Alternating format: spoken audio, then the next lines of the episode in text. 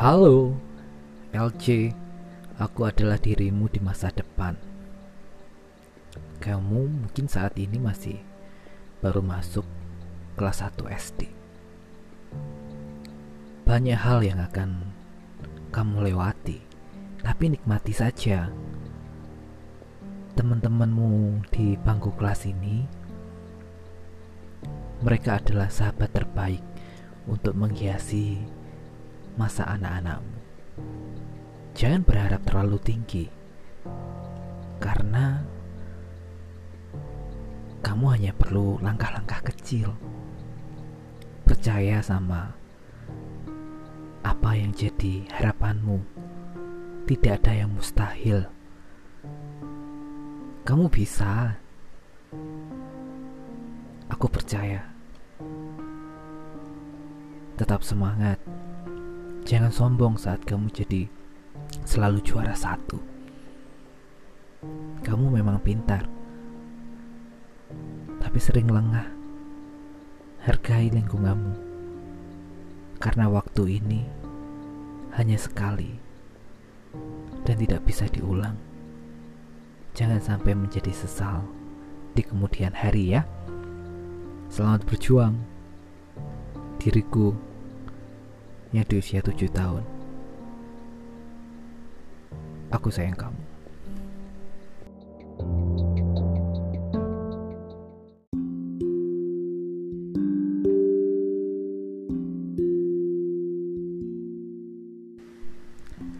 Cerpen yang ditulis oleh Regina Justi Aristi berjudul Pengunjung Malam.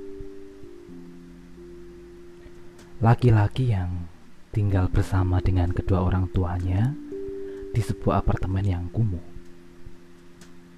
Mereka tinggal di bagian kota yang buruk dan juga banyak kejahatan di daerah tersebut. Apartemen mereka berada di lantai dasar dan sangat membutuhkan perbaikan. Beberapa jendelanya pecah dan butuh perbaikan. Pintunya juga tidak pernah terkunci dengan benar. Bocah itu sering mengalami kesulitan tidur karena dia bisa mendengar berbagai suara dari jalan di luar. Ia memohon kepada kedua orang tuanya untuk memperbaiki jendela dan juga kunci di pintu. Tapi mereka mengatakan kepadanya bahwa mereka tidak mampu untuk membelinya. Suatu malam, ketika bocah laki-laki itu sedang tidur sangat nyenyak, di rumahnya. Tiba-tiba ia terbangun oleh suara goresan yang sangat aneh.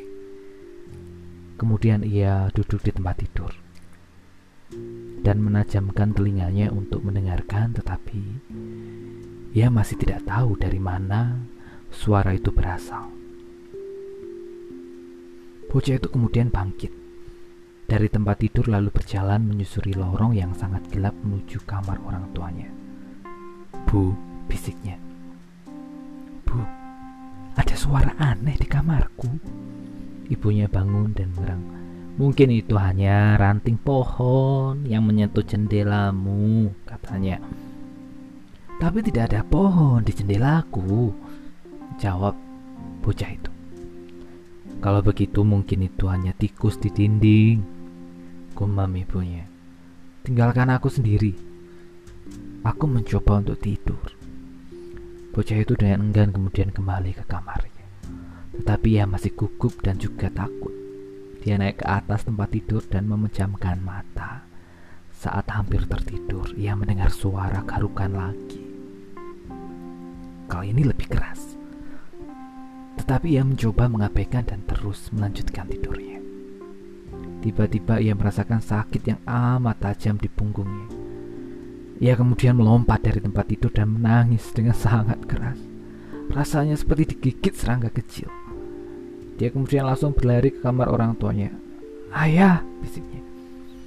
Ayah sesuatu menggigitku. Ayah menggosok matanya. Bergulung dari tempat tidur kemudian memeriksa punggung putranya dan menemukan tanda tusukan kecil. Ada satu atau dua tetes darah yang merembes keluar dari luka. Itu tidak terlihat seperti gigitan serangga, katanya. Lalu apa itu? Tanya bocah itu. Sang ayah tidak menjawab. Sebagai gantinya ia langsung pergi ke kamar anaknya. Dia menyalakan lampu dan juga memeriksa tempat tidur. Ada lubang kecil di spray beberapa isian kasur juga ikut keluar. Ayah kemudian membalikkan kasur dan bergidik ngeri. Bagian bawah tempat tidur mereka menemukan lumpur dan juga kotoran karpet.